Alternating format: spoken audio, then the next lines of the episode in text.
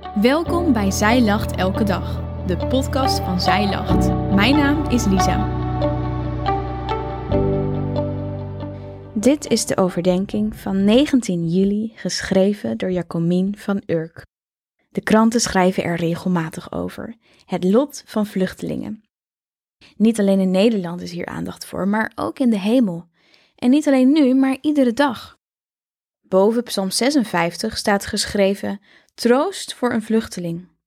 Maar wie is eigenlijk die vluchteling over wie geschreven wordt en wat herkennen wij hierin bij onszelf?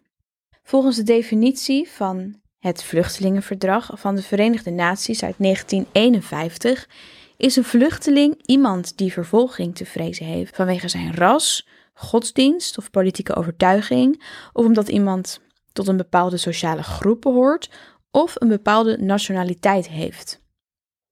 In Psalm 56 zien we David als vluchteling. Hij schrijft dit lied wanneer de Filistijnen hem bij Gad gevangen hebben genomen. David is op de vlucht geslagen voor Saul. David, de jonge man die gekozen was uit de vele zonen van Isaï, de gezalfde, volgens de boodschap die Samuel van God had gekregen. In 1 Samuel 16, vers 1 lezen we dat. De Heer zei tegen Samuel: Hoe lang blijf je er nog over treuren dat ik Saul niet langer als koning van Israël wil? Vul een ramshoorn met olijfolie en ga naar Isaï in Bethlehem, want ik heb een van zijn zonen uitgekozen als koning. Koning David. De gevoelens en gedachten die we in Psalm 56 lezen, zou je niet zo snel bij een koning verwachten. Nee, David is op dit moment een vluchteling. Dat is wel even wat anders. Voordat hij de positie van koning in kan nemen, moet David door een vrij heftige periode. Hij wordt enorm op de proef gesteld.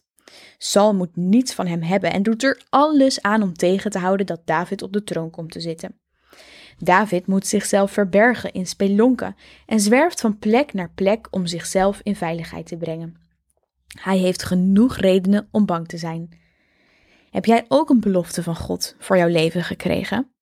Draag je een verlangen of een droom in je hart waarvan je weet dat dit ook het verlangen van God is? Misschien zit je op dit moment wel in dezelfde positie als David. Je zwerft door het leven omdat het lijkt alsof alles zich tegen je keert. De belofte lijkt onmogelijk te kunnen worden vervuld. Je zou je een geliefde koningsdochter moeten voelen, maar op dit moment voel je een vluchteling en heb je genoeg redenen om bang te zijn. Psalm 56, vers 4 tot 5 zegt: Maar als ik bang ben, vertrouw ik op u.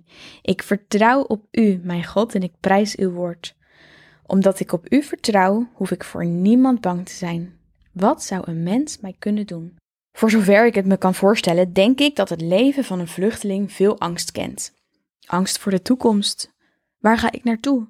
Wat zal er met me gebeuren? Zal ik de reis overleven? En als ik veilig op een plek aankom, hoe ga ik dan verder? Hoe bouw ik een heel nieuw leven op? En misschien is er nog wel meer angst voor de herinneringen van vroeger. Al het leed en de pijn die daar ligt. Trauma's van de reis, heimwee naar huis, het gemis van familieleden en vrienden. Genoeg redenen om bang te zijn. David gaat in zijn situatie terug naar het woord van God, de belofte. Op het moment dat hij bang is, vertrouwt hij op God. Hij prijst het woord van God. Dat is het enige wat hij in zijn situatie kan doen. Zullen wij met hem meedoen? Of we ons nou een vluchteling voelen of niet, het enige wat echte vrede geeft is het vertrouwen op God. Hier mogen we onszelf, maar ook de mensen om ons heen, steeds weer aan herinneren. God is trouw. Zijn plannen falen nooit.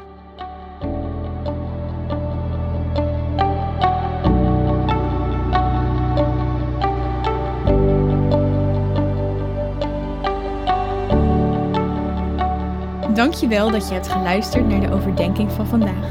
Wil je de overdenking nog eens nalezen? Check dan onze website. Je vindt daar ook nog meer toffe dingen die jou helpen om de Bijbel vaker te openen, zoals boeken, Bijbels, cursussen en evenementen. Morgen ben ik weer bij je terug met een nieuwe overdenking. Tot dan!